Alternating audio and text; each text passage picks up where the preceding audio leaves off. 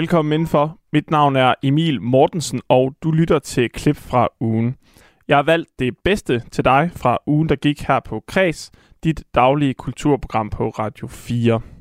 En ungdomsbog om puttemiddag og grænseoverskridende seksuel adfærd fik i mandags Kulturministeriets forfatter- og illustratorpris. I kreds talte vi med forfatteren bag bogen, Tina Sakura, om, hvorfor det er vigtigt at belyse emnet nuanceret netop i en bog til de unge selv. Bibliotekerne rundt om i landet står klar til at tage imod de ukrainske flygtninge. Det meddeler Danmarks Biblioteksforening. Og øh, det har de øh, god erfaring med fra tidligere flygtningestrømme. To af dem, der øh, flygtede hertil en gang, de, dem kan du møde senere her i øh, klip fra ugen. De fortæller, hvordan bibliotekerne de var en vigtig del af deres integration. Og til sidst i udsendelsen, der får du den øh, dybt personlige historie om musikeren Uffe Lorentzen. Det er ham fra øh, blandt andet Baby Woodrose og øh, Spids Nøgenhat. Uffe Lorentzen, han øh, ramte det dybeste mørke midt under coronanedlukningen, da alle hans koncerter de var aflyst. Det har øh, fået ham til at lægge sin øh, rock and roll livsstil om, og i en alder af 50, der er han stoppet med at øh, ryge og drikke. Det er første gang i mit liv, jeg har en bankgæld. Første gang i mit liv, jeg har min egen lejlighed. Jeg har været ude at købe en sofa. Hør hele Uffe Lorentzens historie sidst i udsendelsen. Det var øh, de tre ting, jeg har valgt til dig øh, her i klip fra ugen på Radio 4.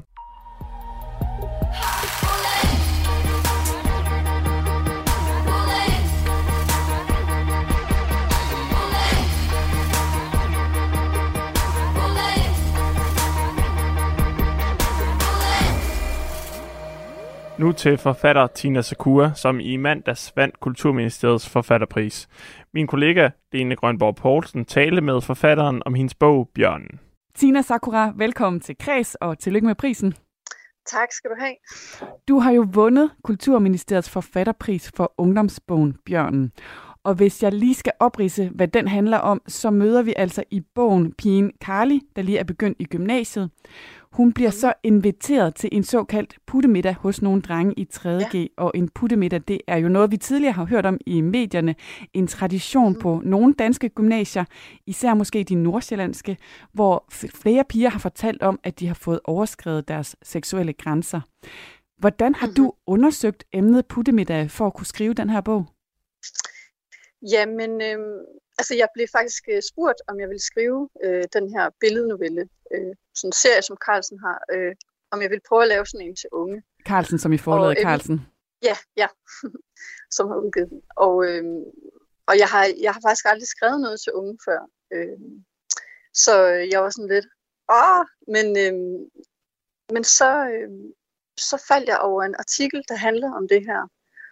Og det var ligesom, så var det bare sådan, det der, det der, det, det er ikke i orden. Så, øhm, så det, øhm, det satte noget i gang. Hvad var det helt specifikt, og, øh, du, du læste om der, som, som satte det i gang hos dig? Jamen, det jo bare altså, hele den der... Øh, altså, jeg tænkte, den her, altså, den, at have sådan en kultur på, på ungdomsinstitutioner, det, det, er, det er simpelthen ikke i orden. At, at øh, der ligesom i invitationen til de her udvalgte unge første piger står, hvordan de skal være klædt, altså ligesom tjenere, fordi de skal jo så servere for de her 3G-drenge. Det var, det var det, jeg lagde mærke til meget, ligesom at, at der allerede der er sådan en styring øh, af dem, ikke? Øhm, og så det, at de skal være øh, klatbarberet på, på kønnet, det er, øh, det er sådan noget, jeg har, har tilføjet. Men øh, det, det er sjovt, øh, nu vi taler om, jeg kan faktisk ikke så godt huske selve, øh, hvad skal man sige, det seksuelle overgreb, i, som der var i artiklen. Altså der har jeg ligesom øh, selv gået ind og, øh, og fundet på øh, den aften. Øhm, og faktisk også, måske, jeg tror, jeg skruede lidt ned øh, for det, selvom det også er slemt, men øh, fordi jeg synes, at faktisk hele konceptet og, og så hele den her invitation, altså det, altså bare det, det er bare for meget. Og i øh, prisudvalgets motiveringstekst tekst, der står der blandt andet, øh, i bjørnen trækker Tina Sakura puttefester og digitale krænkelser ud af et fortidet mørke og frem i lyset, så vi alle kan se og forholde os til overgrebene, det de kan forvolde, og den smerte og erindring, som offer, medløber og krænkeren skal rejse sig fra og lære at leve med efterfølgende. Det er flot ord, ord, du får med her på vejen. Altså, hvorfor var det lige præcis det her emne, du kastede dig over? Øh, hvorfor var det vigtigt for dig? Jeg synes, at det er, øh, som sagt, altså uacceptabelt, og at, øh, at der findes sådan en kultur på gymnasierne. Jeg, jeg forstår fuldstændig øh, sådan, behovet for ritualer i forhold til nogen, der er nye og, og sådan noget. Men jeg synes bare, det er så sørgeligt at se, hvordan de unge, de ligesom, de udspiller sådan et øh, manuskript, som, som vi som voksne og samfund har skrevet til dem. Altså, de, de, øh, de spejler jo det, som de ser i kulturen. Altså, øhm, i, øhm, altså på tv for eksempel, du ved, altså godt være nogle flere kvindelige hovedroller med nogle flere replikker, og øh, hvad er det for nogle eksperter, der bliver hentet ind? Altså det, det, det er meget ofte mænd, og så det her kæmpe fokus på udseende, vi har i vores kultur. At altså mænd med gråt hår, øh, det er bare helt fint, men, men kvinder, der ældre, øh, bliver ældre, altså de bliver usynlige. Så der, der er sådan en masse ting, som jeg synes, at, at det spejler. Altså det her med øhm, ja, kvinder som mindre værd. Altså. Det var sådan lidt om temaet, hvis vi dykker øh, lidt ned i bogen, så bliver din skrivestil, mm-hmm. den bliver sådan beskrevet flere steder som både stærkt poetisk og sanselig. Så jeg synes, vi skal have et lille eksempel fra bogen. Du har selv valgt et sted, hvor du vil læse op. Hvor i bogen kommer vi ind her? Jamen, det er, øh, hvad kan man sige, det, der er virkelig, øh, der er action her, for det er for, det er for selve festen. Man kan sige, det mere poetiske, det er måske øh, senere ude i skoven. Men, øh, men det er, hvor Carly, hovedpersonen, hun er, hun er ankommet til festen og er i gang med at servere. Og hun er forelsket i en, der hedder Jakob, som også er med. Lad os ja. høre. Vi fik katteører på og haler og måtte kun sige miau. Det var sådan set meget sødt. Jeg lavede klohænder og miavede til ham. Han var allerede godt fuld, men ikke så meget som de andre. Vi skulle servere for dem. Noget mad, der stod i bakker ude i køkkenet. Musikken var vildt høj. Jeg gik ind med flødekartofler. Jeg tabte noget på bordet. William sagde, slik det op. Jeg både mig forover og gjorde det, mens de klappede. Det smagte godt. Jeg skulle have spist noget mere, inden jeg gik hjemmefra. Jeg smilede til Jakob, og hans hals blussede rødt. Jeg slikkede mig om munden. De klappede helt vildt. Jeg svingede med halen. Mere bifald. Så skulle jeg bunde et glas med noget blåt i, og et mere. Jakob smilede. Et mere. Så løb jeg ud i køkkenet for at hente kødet sammen med de andre. Nej, først bliver jeg nødt til at gå ud på toilettet og klø mig. Fissen var fuld af knupper, røde knupper, og den føltes stadig fremmed. Ingen skal se mig sådan her, tænkte jeg. Jeg smurte noget dyrt ansigtscreme på. Det stod i spejlet. Williams mors. Måske det kunne hjælpe men det gjorde det ikke. Slet ikke. Det sved, så jeg måtte tørre det af. Det bankede på døren. Er du okay? Det var Sara. Jeg låste op og nikkede. Jeg gik ind og skænkede op til drengene, og hver gang jeg skænkede, skulle jeg selv drikke. Jeg gik ud i køkkenet for at klø mig, så ind igen. Musikken. Sara og mig skulle danse sammen. Tættere, råbte de. Jeg kunne ikke lade være med at grine. Tættere. Kys hinanden. Mine kinder blev varme. Og Sara greb fat i mit hoved og kyssede mig. Hun smagte af det blå. Dessert, råbte de. Nu er der dessert. En hel masse flaske flødeskum på spray stod på bordet. Desserten er også, råbte William. Han kom helt tæt på. Den kvalmende ånde nåede mig først. Han begyndte at knappe min skjorte op. Jeg så på Jakob. Han sad stille. Sig noget, tænkte jeg. Sig noget. Men det gjorde han ikke. Jeg stod i BH'en, rød med push-up, så nogen der er i alle reklamer op til jul. Jeg håbede, det ville gøre dem lidt større. Alle de andre ser så store ud. Så er det mig, råbte William og smed sin egen skjorte. Jeg er din dessert. Flødeskum på brystkassen. Slik ham, slik ham, slik ham. Jeg bøjede mig frem og slikkede den ene klat af. Under det hvide en brystvorte. Jeg blev svimmel. Vil du have mere dessert, Carly? Jeg sad på gulvet. Den åbnede gylden og stak en agurk igennem, spredte den hvid. Slik nu, du kan jo lide det. Jakob sagde ikke noget. Ja, her hørte vi så en bid af ungdomsbogen Bjørnen, som er skrevet af dig, Tina Sakura, og som du så i dag modtager Kulturministeriets forfatterpris for. Hvad er det, der er på spil i den her scene? Jamen, det er jo, at, altså, at vi, vi mærker, hvordan at, øh, at Kylie, hun egentlig ligesom, altså hun er jo benådet over at være udvalgt øh, til at komme med til den her fest. Ikke? Altså, øh, men hvordan hun så hun prøver at spille med og være, du ved, den sexede kat, og, men, men hvor det ligesom bare løber løbsk i løbet af, øh, af, af scenen her, ikke? Altså, og øh, hvor hun altså får sine grænser overskrevet øh, øh, af Måske William der. Og så, egentlig er opdage, hvornår det sker. Ja, men også fordi hun er jo, altså, hun har jo drukket, og altså, hun er meget under pres, ikke? Det, der sker videre i bogen, det er så, at nogle af de her billeder, der bliver taget til den her puttemiddag, øh, hvor hun øh, laver nogle af de her ting, de bliver delt på sociale medier. Og det fører mm. så til en stor skam for hende. Men i bogen, mm-hmm. øh, der kan man sige, at hun vinder også noget af sin, øh, skal vi kalde det, urkraft tilbage. Altså, det gør hun blandt andet mm-hmm. ved at være i naturen. Hvad er det for en pointe, du prøver at skrive frem her? Ja, men altså, øhm, inden hun går ud i, i naturen, der, altså, der onanerer hun også.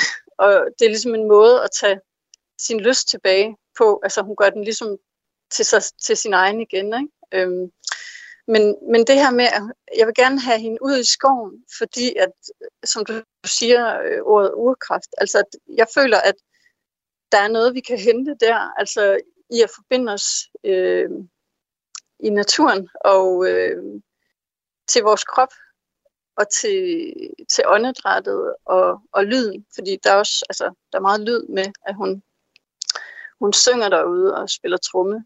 Øhm, så hun ligesom forbinder sig til den kvindelige visdom, som har været redigeret ud af kulturen i, i, øh, i nogle øh, årtusinder.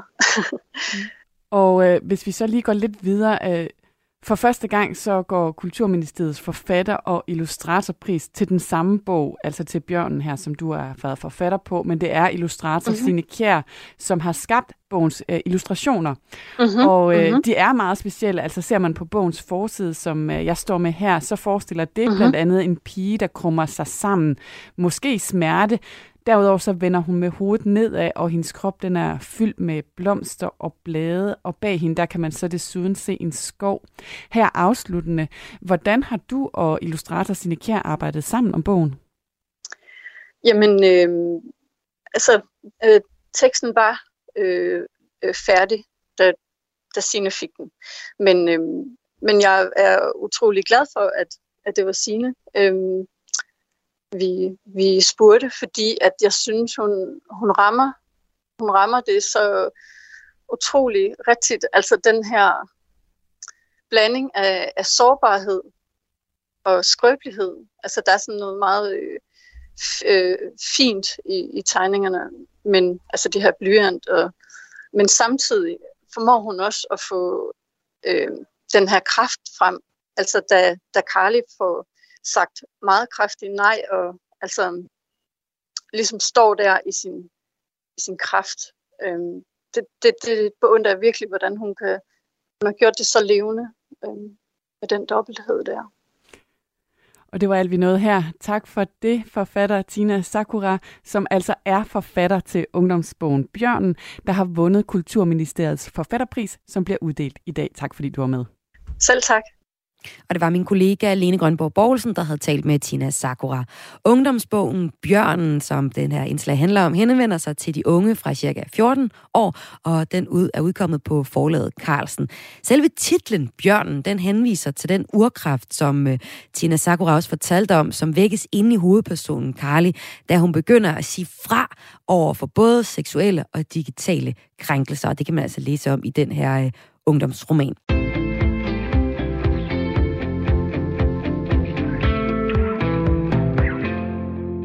Mit navn er Emil Mortensen, og du lytter til klip fra ugen. Det er programmet, hvor jeg har valgt det bedste til dig fra ugen, der gik i Radio 4's daglige kulturprogram Kreds. Lidt senere, der kan du høre et længere, dybt personligt interview med musiker Uffe Leransen, der har lagt et øh, langt liv med rock and roll klichéer bag sig, efter at han havde været ude i et øh, dybt mørke. Nu skal det handle om øh, de danske biblioteker, der melder sig klar i indsatsen med at tage imod de flygtninge, der lige nu kommer til Danmark fra Ukraine. Det er meddelt de danske biblioteker til kulturminister Ane Halsborg Jørgensen, da hun øh, holdt et møde med Dansk Kulturliv om, hvordan de kan hjælpe med at tage imod de ukrainske flygtninge. Også tidligere, der har bibliotekerne spillet en særlig rolle for flygtninge, der er kommet til Danmark. To af dem, dem skal vi høre fra lige om lidt. Inden da, der skal vi høre fra direktør i Danmarks Biblioteksforening, Michel Sten Hansen. Ham talte jeg med tidligere på ugen, hvor han øh, lagde vægt på, at særligt nyheder fra hjemlandet Ukraine er vigtige at øh, kunne fremskaffe for bibliotekerne for at kunne hjælpe de ukrainske flygtninge. Eksempler på lektiecaféer, læseinitiativer, øh, bogudstillinger, Øh, og, og også, at man nu er ved at lave sprogkufferter eller øh, forberede, at man skal ud i øh, de kommende flygtningecentre og være med til at, at formidle. Øh, og det, det er både litteraturen, det er børnebøgerne, øh, det er avisen øh, på, på ukrainsk, og så er det også meget nyhederne hjemmefra. Det der med, at man sidder i et fremmed land, og, og hvad er det så for nyheder, vi kan tilgå? Og der, der kan informationsspecialisterne på, på biblioteket øh, noget. Hvad er det for en forskel, du håber, at bibliotekerne de kan gøre for de her ukrainske flygtninge? Jeg tror, at, at, at bibliotekerne kan, kan spille en afgørende rolle, fordi i hele verden kender man biblioteker. Man, man har en, en, en tryghed i, i forhold til den her forholdsvis neutrale øh, plads, det er. Så, så, så, så det, at man føler øh, den tryghed, og så føler sig budt velkommen. Og, og der kan jeg jo se rigtig mange arrangementer, faktisk starten i sidste uge med kulturarrangementer, øh, arrangementer med forskere, med journalister, øh, og lokalbefolkningen, som, som kom, og nogle, nogle af de her steder, øh, der, der måtte man flytte ud af biblioteket og vælge nogle, nogle, nogle større steder, fordi at folk det er både den utryghed, vi har over, at der lige pludselig er krig i Europa, men også det her med, hvad er det så, vi i fællesskabet kan gøre? Øh, og der begyndte man på det. Jeg hørte en historie om, om et sted, hvor, hvor, hvor der kom øh, nogle tosprogede ned og siger, vores andet sprog, det er ukrainsk. Skal vi ikke være med til at lave lektiecafé? Og der er et eller andet fascinerende i, at de ville lave lektiecafé for nogle flygtninge, som endnu ikke var kommet. Men det er det, øh, jeg kan se, bibliotekerne kan. Nu må du også lidt inde på det, det her med, at bibliotekerne også kan have en særlig rolle, fordi det er sådan en offentlig, neutral grund. Hvad er det, det, det dækker over? Jamen, det dækker over både det, at, at, at, at man kender det, men også, at, at man laver arrangementer, øh, som nu, nu, lige nu ser det ud til, at det meget vil være øh, kvinder og børn, det, at, at man er, er tryg ved at gå ned, og man så laver nogle arrangementer. Nogle af dem er måske ordløse. Noget af det kan være øh, alt fra, fra børneteater øh, til, til oplæsning på, på ukrainsk eller, eller visning af, af film. Lige nu har vi faktisk et problem, fordi vi har jo vi har sådan nogle centrale øh, magasiner med, med bøger på udenlandsk, som vi kan fordele rundt til, til bibliotekerne, men vi har ikke ret meget på ukrainsk. Øh, og hvad gør vi ved det? Det er jo et problem ud over hele Europa. Øh, så, så kan vi meget hurtigt få oversat øh, Øh, nogle børnebøger, øh, og også gerne nogle danske børnebøger. Det der med også at få kendskab til øh, samfundet og fællesskabet gennem litteraturen. Det er jo noget af det, litteraturen kan, men det kræver jo, at man kan forstå den.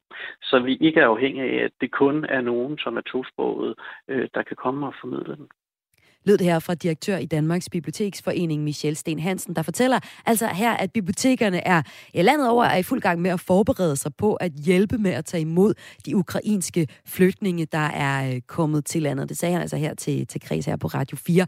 Og, og det er jo, nogen kan måske tænke sådan, jamen bibliotekerne, altså, er der ikke, skal de ikke have noget tøj på kroppen og varmt måltidsmad? Jo, men kultur betyder også noget, og det kan mine næste to gæster fortælle. De øh, har selv prøvet at ankomme som flygtninge til Danmark, og her spillede lige præcis bibliotekerne en afgørende rolle i deres integration på hver sin måde. Det skal jeg tale med øh, dem om, fordi øh, ja, vi er her i studiet og klar nu. Allen Kausevich, forfatter til, den, til bogen Det egentlige liv i livet, der handler om tilværelsen som flygtning i Danmark. Velkommen til Kreds. Jeg kan høre dig nu. Tak skal du Tak skal du Ja, det er godt, det var sådan, der var du. Og også øh, velkommen til biblioteksformidler Kanita Hoddix. Velkommen til Kreds. Tak for det. Du var også med der. Super. I begge to flygtede fra et krigshavet eks-Jugoslavien i starten af 90'erne. Alen Kausevic, du er født i øh, Bosnien og kom som flytning til, øh, til Danmark som toårig med dine forældre i 91.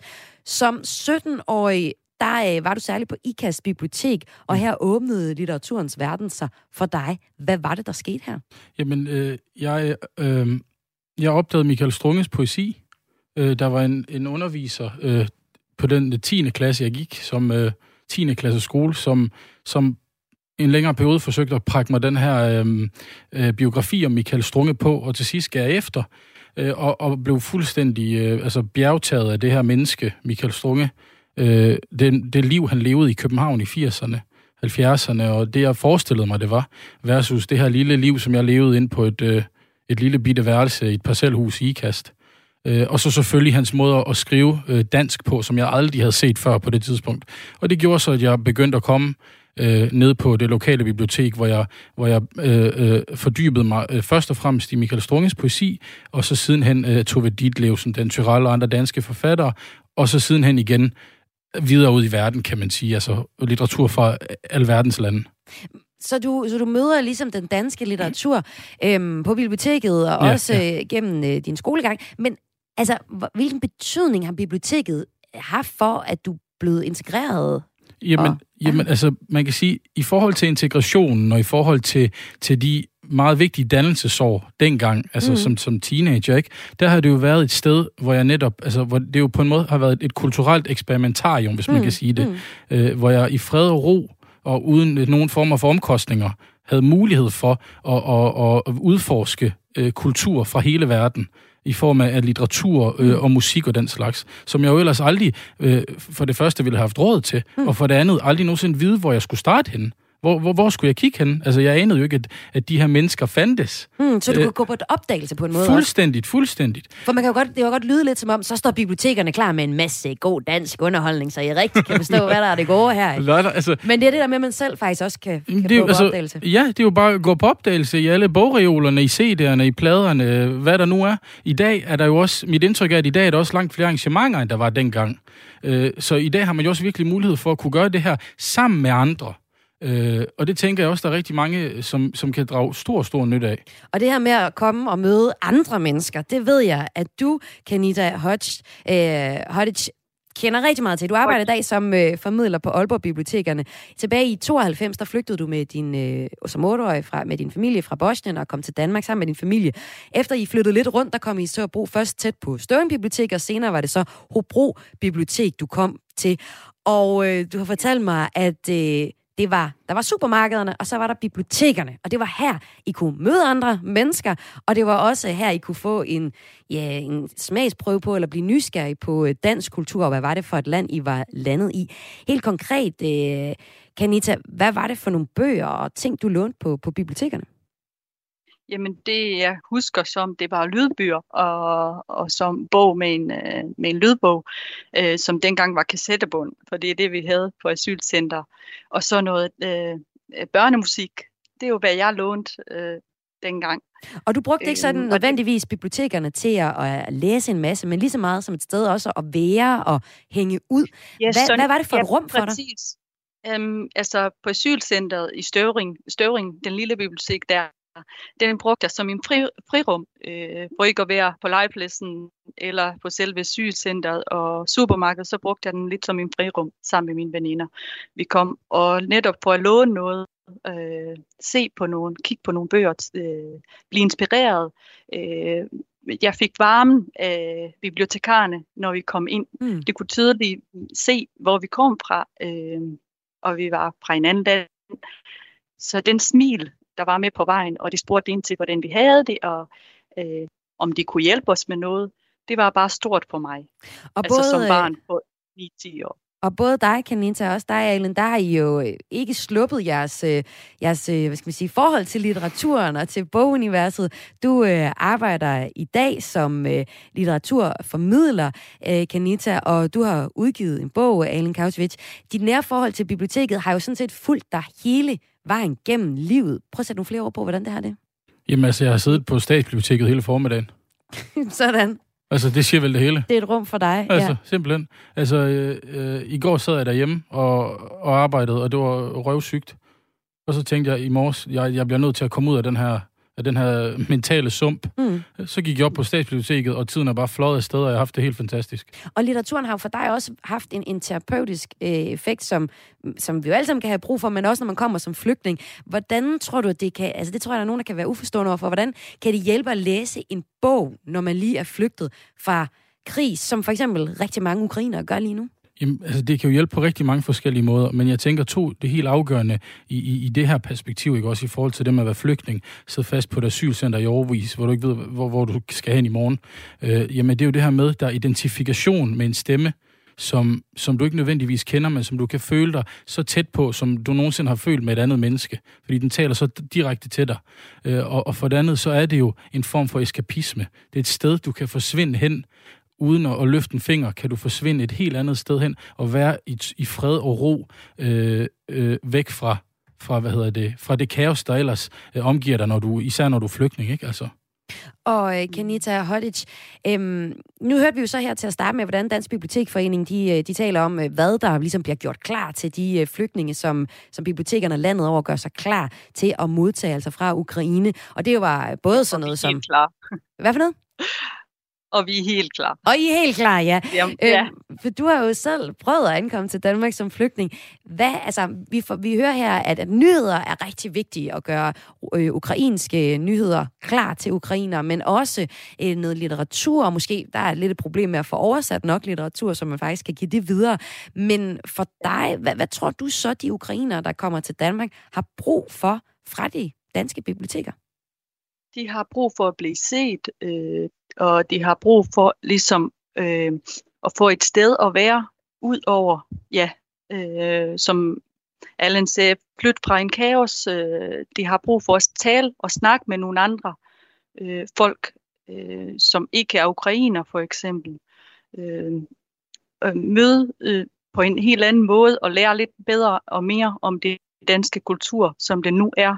Så det er lige så meget øh, møde lige med så andre, meget- som, som litteratur Præcis. og bøger, eller hvad man ellers skal låne. Ja. Selvfølgelig litteratur og alt det litteratur kan bringe med sig i første omgang. Ja, tak.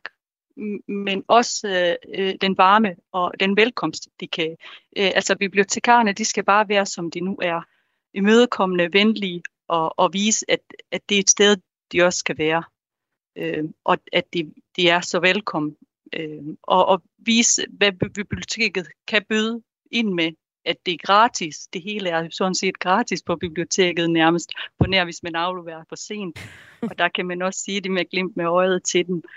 Øh, forklare lidt øh, mere om, ja, hvad det er og hvad det går ud på at være et bibliotek i Danmark, og hvad det er for et sted. Og øh, her, Men, men børnene kan vi gøre en hel masse for, tænker jeg. Det er der, vi skal starte. Det er der, vi skal starte. Så lød det her fra dig, Kanita Hodic. Tusind tak, fordi du var med i Græs. Selv tak. altså formidler på Aalborg Bibliotekerne og kom til Danmark fra Boston i 92. Og også tak til dig, forfatter Alen Kausevich, der altså kom til Danmark fra 91. Selv tak.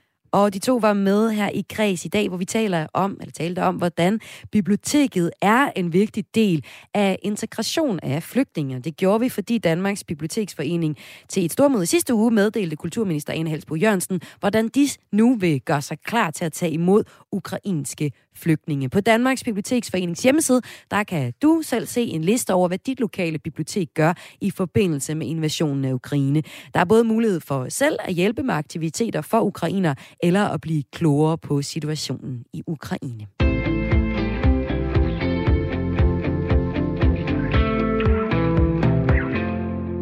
Du lytter til klip fra ugen med highlights fra den seneste uge i Radio 4's daglige kulturprogram Kreds.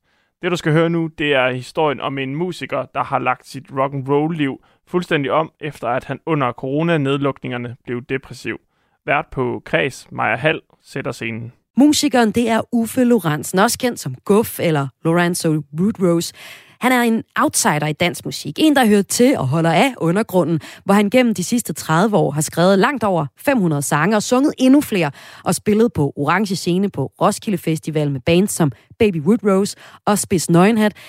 Orkestre, der begge er inspireret af den øh, psykedeliske 60'er og 70'er rock.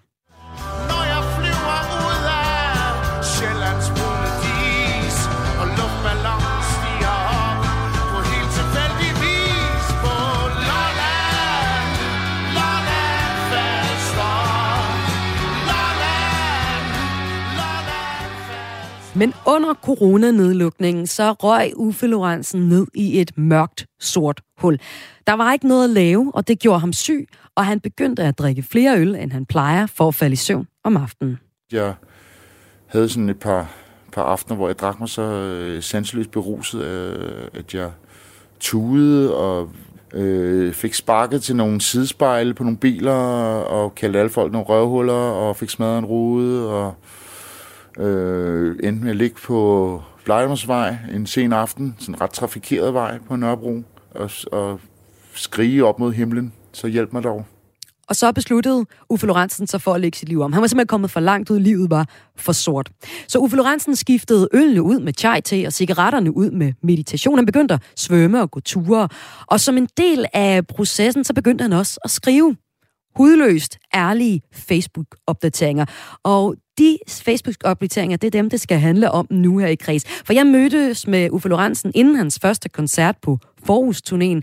Og selvom at turnéen hedder mere negativ end nogensinde før, så er det ikke helt sandheden om den sindstilstand, Uffe Lorentzen befinder sig i lige nu. Skægget er røget, og vi drak sodavand og alkoholfri øl, da vi mødtes backstage på spillestedet Rater i Aarhus. Der er et lys i Uffe Lorentzens øjne. Og i en times tid mellem lydprøver og aftensmad og optræden, der dykkede vi ned i hans Facebook-opdateringer fra nytår og frem, og talte om den udvikling, han har gennemgået gennem de sidste måneder. Hej, det var da Uffe, det er mig, der er mig, ja. Men dejligt, du lige havde overskud til at mødes sådan lige mellem øh, lydtester. og- Ja, men det, det, alting er virkelig stresset for tiden, synes jeg. Ja. Øhm, og også specielt op til, at man skal spille, så tænker man sådan, åh oh, gud, hvor Ja. ja. irriterende, at der kommer solister, så Ja. ja. det også have noget. ikke? Ja. Men når man så er her, så er der altid tid nok, jo. Nå, okay, det er godt. Hej. Øhm, men hvad fanden var det nu, interviewet var til? Det jeg I er til Radio 4, som Det er til er Radio 4. den her taleradio. Graffiti jo. Og det, jeg godt kunne tænke mig at snakke med dig om, Ja. det er øhm, nogle af de Facebook-opdateringer, du har lavet. Åh oh, gud, ja, okay. Ja, ja. Er du klar på det? Ja, ja, Ja. jeg er klar på whatever. Jeg Fordi det... jeg faktisk tænker, det var lidt, om vi måske kunne læse nogle af dem op. Okay, ja, men det må du gerne. Men jeg tænkte faktisk, om du ville læse dem op. Om jeg vil? Nej, men Ja. det gider jeg sgu ikke. Altså, det, Hvorfor jeg ikke gider ikke... Jamen, det ved jeg ikke. Øhm, det ved jeg ikke. Det er fordi, for mig er det jo sådan en øhm, katarsis-agtig ting, hvor jeg øh, bare sådan set skriver, hvordan jeg har det, og det gør jeg, fordi jeg føler, at jeg er nødt til at gøre det for min egen skyld, øh, og subsidiært også gøre folk opmærksom på, at, øh, at jeg er et andet sted. Øh, men mest for min egen skyld, faktisk. Så jeg, jeg skriver det bare, og det fordi det føles, øh, hvad skal man sige, rensende eller øh, saliggørende for mig, ligesom at f- få udtrykt, øh, hvordan jeg egentlig har det. Men er det okay, at vi taler ud fra nogle det kan vi sagtens. Hvad bruger du Facebook til? Ja, men man kan sige, at det, der er sket i mit liv, det er jo, at øhm, de sidste tre år her har været simpelthen altså, de mest forfærdelige i, i, i hele mit liv, fordi øh, på grund af pandemi, og på grund af alle mulige økonomiske bekymringer, og på grund af nogle personlige ting, og på grund af et misbrug øh, af alkohol, som også har taget overhånd, og på grund af nogle, nogle, øh, en masse udfrakommende faktorer, som har spændt ben for, for, øh, på en masse ting. Og øh, det har gjort, at jeg er nået til et sted, hvor jeg simpelthen ikke... Øh, jeg er nødt til at skære internettet fra i mit liv. Jeg kan, jeg kan ikke mere internet. Jeg kan ikke mere folk, der har meninger om øh, dit og dat, og jeg kan ikke mere uenigheder. Jeg kan ikke mere øh, debat på Facebook om øh, pandemi og om... Øh, og jeg kan ikke mere smittetal, jeg kan ikke følge mere med i nyheder, jeg kan ikke mere øh, krigen i Ukraine. Alle de her ting, de stresser mig og gør mig angst og gør mig i dårlig humør og ødelægger min min tilværelse på daglig plan. Så jeg prøver at skære alle de ting fra. Men jeg bruger stadig Facebook. Jeg bruger det bare altså sådan, at jeg, jeg skriver noget for min egen skyld, og så sender jeg det ud, og så ignorerer jeg det. Ligesom. Jeg, jeg kan ikke sidde og gå op i det hele tiden. Hvad? Og folk de skriver jo alle mulige til mig, og man kan sige, gennem hele pandemien her har jeg jo siddet, og, fordi jeg havde ikke havde andet at lave, så har jeg siddet og gået op i det. Ikke? Og det bliver man altså virkelig dårlig humør af, synes jeg. Hvor altså... har musikken været under pandemien for dig? Øhm, musikken har jo hele tiden været der, men man kan sige, det at jeg ikke har kunne få mulighed for at udtrykke de her ting øh, musikalsk og i min sangskrivning, og jeg har ikke kunne spille det for folk, og jeg i, i de tilfælde, hvor jeg har kunnet gøre det, der har jeg, har det været under alle mulige restriktioner eller begrænsninger, ikke? Øh, og det har gjort mig angst og stresset og i dårlig humør. Det har gjort mig deprimeret, og det har gjort mig gjort af, at jeg føler mig presset og udsat og ensom og alene, og det er jeg virkelig, virkelig træt af. Nu vil jeg prøve at se nogle af de... Øh, jeg har kigget på din, Facebook, mm. og øh, du har lavet rigtig mange opdateringer, og jeg har kigget på dem fra i år, Ja. eller faktisk fra den 31. december. Det er den, jeg først vil trække frem. Ja. Og så kan det være, du kan sætte nogle ord på det, hvis jeg nu Ja. bare læser lidt op af den. Okay. 31. december. Jeg tilbringer årets sidste dag i Route 66 fra 12 til 16, og den første mandag i det nye år står jeg der sgu igen fra 12 til 18. Jeg går ind i det nye år som andelsejer med en ansenlig gæld i banken, som ikke ryger, og som ædru alkoholiker, med lejlighedsvise, men forhåbentlig kun behagelige og moderate tilbagefald. Jeg går ind i det nye år med angst, stress og depression, forhøjet blodtryk og kronisk svimmelhed jeg går ind i det nye år med så mange nye og gamle venner, der har hjulpet mig igennem. Tak til dem, og undskyld til dem, jeg gjorde ondt. Jeg går ind i det nye år med tredje stik og naturlig immunitet oveni. Jeg håber at udgive ny musik med bandet Lydsyn i det nye år. Jeg håber at kunne spille rigtig mange koncerter, så jeg endelig kan indhente det tabte. Hvad er det for noget, du har tabt, som du gerne vil indhente, da du skriver det her den 31. januar? Jamen, altså, jeg har måttet lægge mit liv om, fordi øh, jeg føler, at jeg har mistet noget af mig selv tilbage i 2019. I virkeligheden. Og øh, jeg prøver at tage ansvar for mit eget liv. Jeg prøver at, tage, prøve at blive voksen. Hvor gammel er du? Jeg er 50. Er det på tide? Det er første gang i mit liv, jeg har en bankgæld. Første gang i mit liv, jeg har min egen lejlighed. Jeg har været ude og købe en sofa. Første gang i mit liv, jeg køber en sofa. Hvad har du gjort før? Mm, boet hos venner og veninder og kærester og lejede værelser og boet i øvelokaler og tumlet rundt i tilværelsen, fordi at øhm, det var den eneste måde, det var muligt for mig at overleve på og leve på. Og det var sådan set været fint nok, men, men når var det bare til et punkt, hvor man, hvor man øh, nu, nu er jeg nødt til at bare øh, at, at, at æde præmissen, som den her eksistens giver. Og det er jo noget med, at man skal være inde i det her hamsterhjul, og man skal tage det lån i banken for at have et sted at bo. Det betyder også, at jeg har måttet, som man kan høre ud af den her update her, at jeg har måttet lægge mit liv om og, og prøve at, at face min smerte og min, mine indre dæmoner, i stedet for at bedøve dem med alkohol og cigaretter og stoffer og hvad vi nu ellers har. Ikke? Hvornår gik det op for dig, at du blev nødt til at face dine indre dæmoner? Løbende i løbet af 21, tror jeg.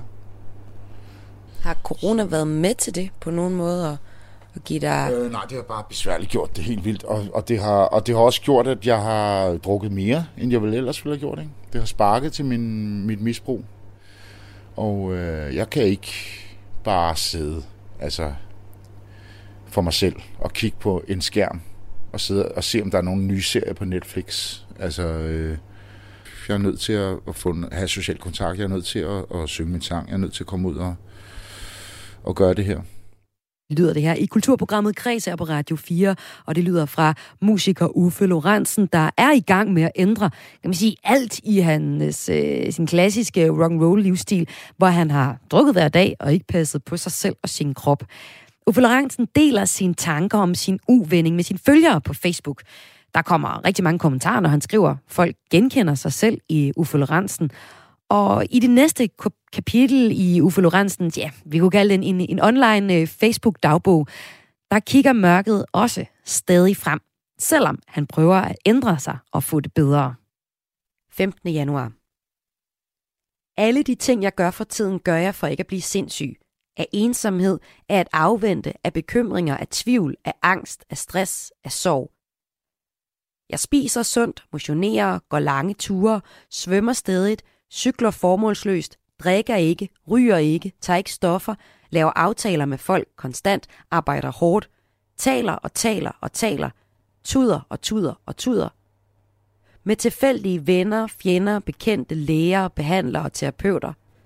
Jeg har været tæt på at miste den totalt et par gange de sidste år, men nu kæmper jeg igen for, at det hele ikke skal falde fra hinanden. Hvordan er det, når jeg læser det op med, at du for eksempel tuder og tuder og tuder? Mm, Det er, det er jo smertefuldt for mig jo. Det er også derfor, jeg ikke selv har lyst til at sidde og læse det op, fordi, fordi det her er jo noget, jeg skriver, fordi at det er sådan, jeg har det. Det er ikke noget, jeg skriver for at få øh, du ved, folks øh, medlidenhed, eller accept, eller likes, eller noget som helst andet. Det er noget, jeg skriver, fordi det er sådan, jeg har det. Og jeg er nødt til at skrive det her, fordi at det er sådan, jeg har det. Men der er jo mange, der liker og kommenterer det. Ja, ja, det må de gerne, men, Betyder men det det er noget ikke for derfor, dig? jeg gør det. Jeg, jeg gør det, fordi eller jeg gjorde det lige på det her tidspunkt, fordi jeg havde, jeg havde det forfærdeligt, ja. og jeg, og jeg øh, var virkelig bange for, at øh, det er svært at forklare. Vi kommer jo ind på, hvad skal sige, min, min, mine mentale øh, øh, issues, ikke? Men, øh, men øh, jeg har igennem hele det her forløb haft en fornemmelse af, at det her, det er, det er begyndelsen på, på enden, eller det er starten på, på, på dommedag, eller på, på altings afvikling. Hvad mener du med det? Det jeg siger. Altså, øh, det, det er første tegn på, at, at den her civilisation er ved at, ved at gå ned. Og at det kun bliver værre herfra. Jamen det værste er jo, at, at hvis man har det sådan, så kan alting jo være lige meget. Ikke? Så bliver man jo netop pisse lige glad ikke? med, hvad der ellers sker omkring en. Ikke? Og så sover man en masse mennesker, som man elsker, og som faktisk elsker en, og man godt kan lide. Og man... Øh, tingene, ting holder op med at, give, at have betydning. Ikke? Så jeg er nødt til at finde noget, noget, der giver mening.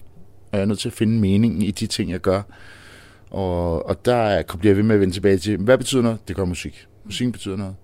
Så det er det, jeg prøver at fokusere på.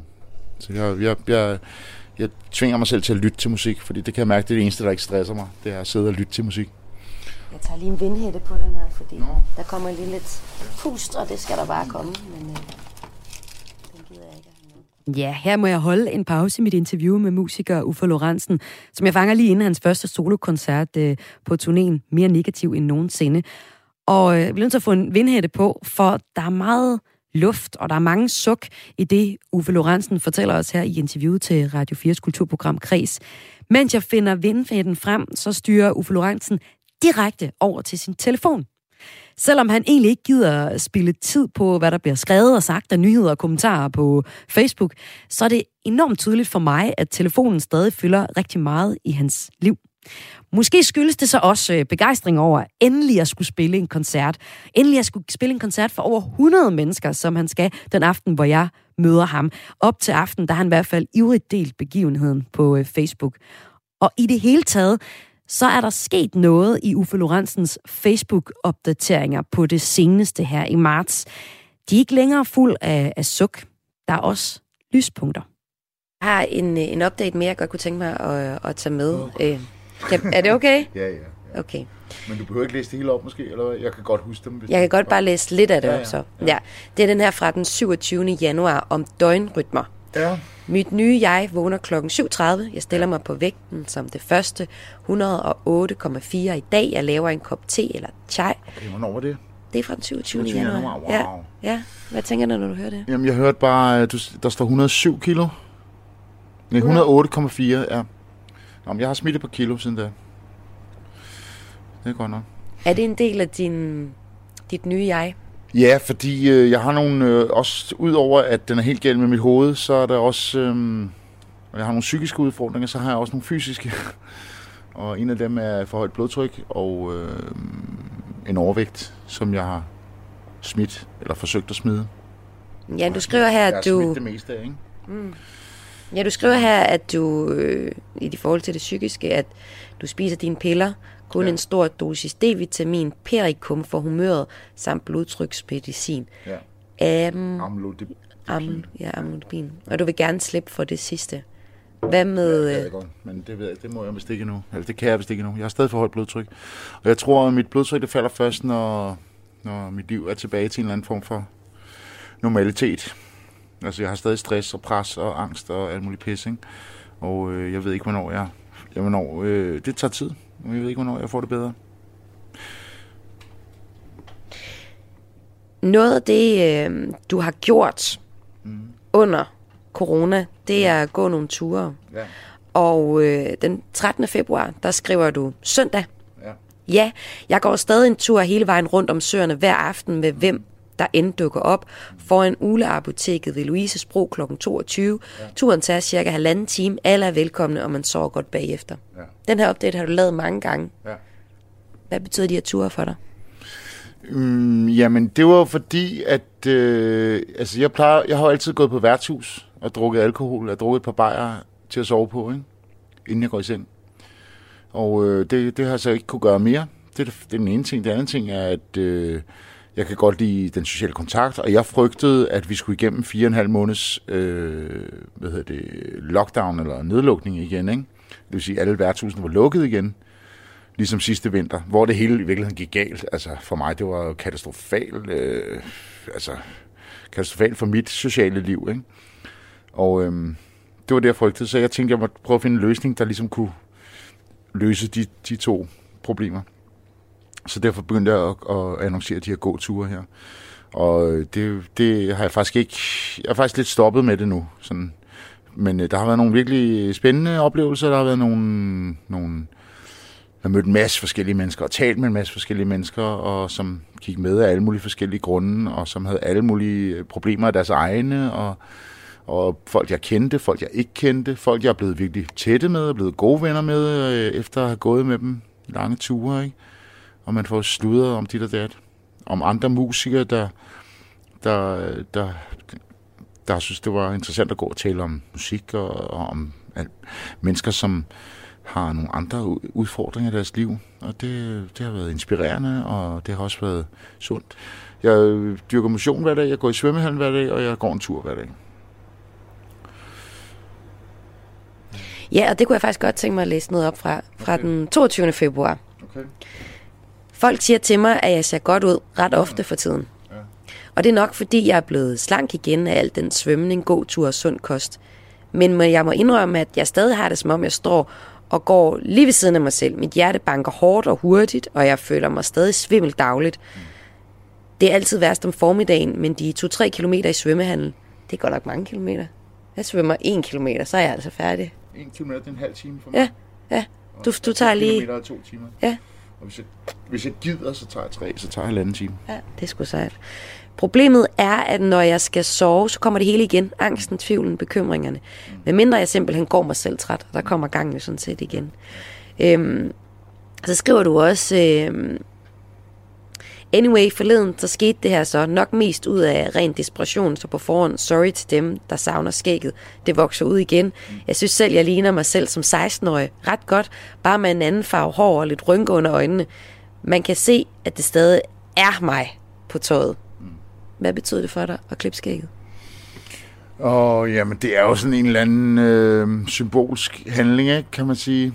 Øh, jeg følte, at jeg, jeg føler, at jeg er i gang med at finde et nyt jeg, og, øh, og finde en ny måde at leve på, og finde en ny måde at være på, ikke?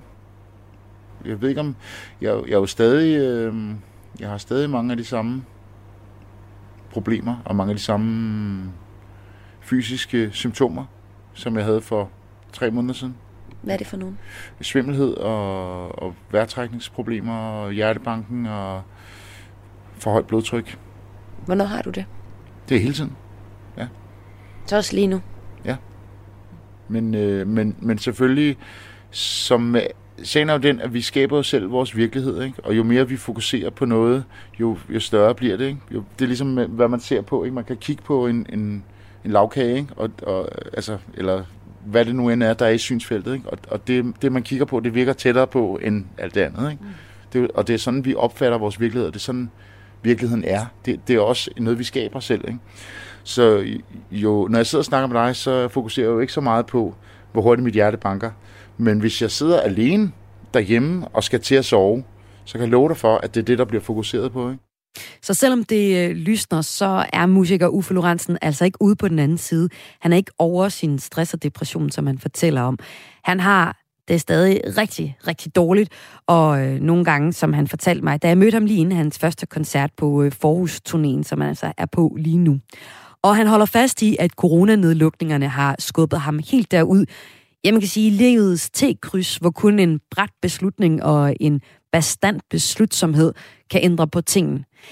Men jeg kan ikke lade være med at tænke, da jeg talte med Uffe Lorentzen, at det under alle omstændigheder er en god uvending, Uffe Lorentzens liv er ved at tage. Men okay, hvad ved jeg om rock and roll kunstners liv? Nu har jeg jo læst nogle forskellige øh, opdateringer op fra din Facebook-profil, og det stopper sådan lidt. Øhm, Nå, gør det det? der er masser af dagens albums. Ja. De fylder mere og mere, ja. og de personlige opdateringer, de bliver færre og færre. Okay. Nu er det, der fylder Det rigtig nok meget godt. også. Det er nok godt. Nej, hvad tror du, det er et udtryk for? Jamen, det tror jeg, det er et udtryk for, at det går bedre, ikke? Men man kan sige, der er jo også i mange af de der dagens albumsopdateringer, der er jo også øh, rigtig meget af sådan noget, hvor jeg husker tilbage på mit eget liv, og husk, prøver at fange mig selv, og prøver at redefinere, hvem jeg er, og hvorfor jeg er det, og hvad det er for nogle oplevelser, hvad det er for nogle mu- musikalske øh, inputs, der har gjort mig til den, jeg er, ikke? Mm. For, for at finde ud af, hvem jeg egentlig er. Men det Fordi sidste... Jeg, jeg, rent faktisk øh, kom jeg lidt i tvivl, og jeg, jeg, altså, som jeg skrev i den der, jeg var ved at miste den på et tidspunkt, ikke? der mener jeg, at, at jeg følte virkelig, at jeg var ved at blive lidt skør, altså på et tidspunkt. Øhm, og øh, altså, alkohol spillede der helt klart en, en rolle i det, men, øh, men, øh, men også følelsen af, at, øh, at det ikke betyder noget, og følelsen af, at, at, at at, at blive glemt, og være, at, at blive ignoreret, og blive at føle sig fuldstændig altså, usynlig på en eller anden måde. Ikke? Hvor, hvor, hvem? Ja, altså i forhold til, at øh, jeg lever jo af, altså jeg var nødt til at sætte nogle DJ øh, ting op på nogle små barer, fordi hele min sæson var aflyst. Ikke? Så jeg arrangerede nogle små DJ-ting på nogle små værtshuse, hvor folk skulle sidde ned. De måtte ikke engang danse, vel? Og der kom 25-30 mennesker ikke? på mange af de her steder. Og det gjorde jeg hele sommeren for at overleve. Altså, for at tjene 2.000 kroner her, 2.000 kroner der, ikke? Mm. Og samtidig er der 30.000 mennesker i parken til fodbold. Mm. Det, det, det gjorde mig virkelig sur.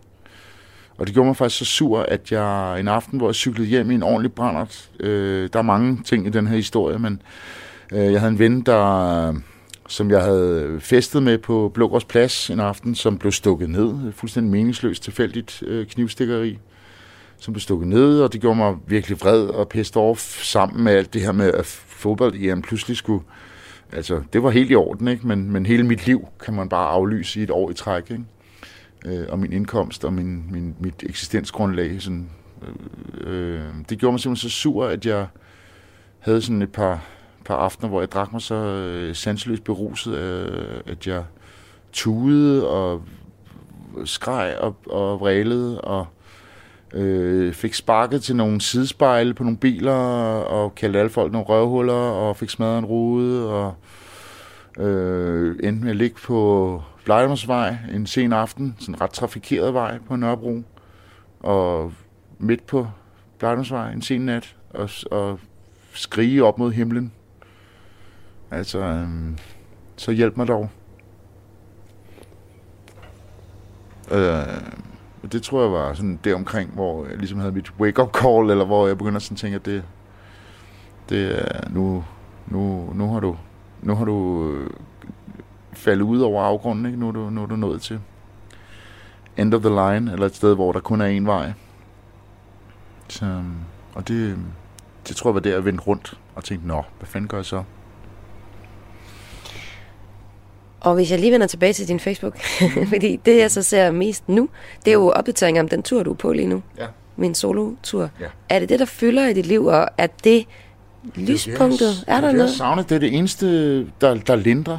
Ja. På en måde. Det er det eneste, jeg kan se, der er værd at beskæftige sig med i den her tilværelse, den her eksistens. Det er den musik. Altså, fordi det, det, det er det, der, det er det, der føles godt.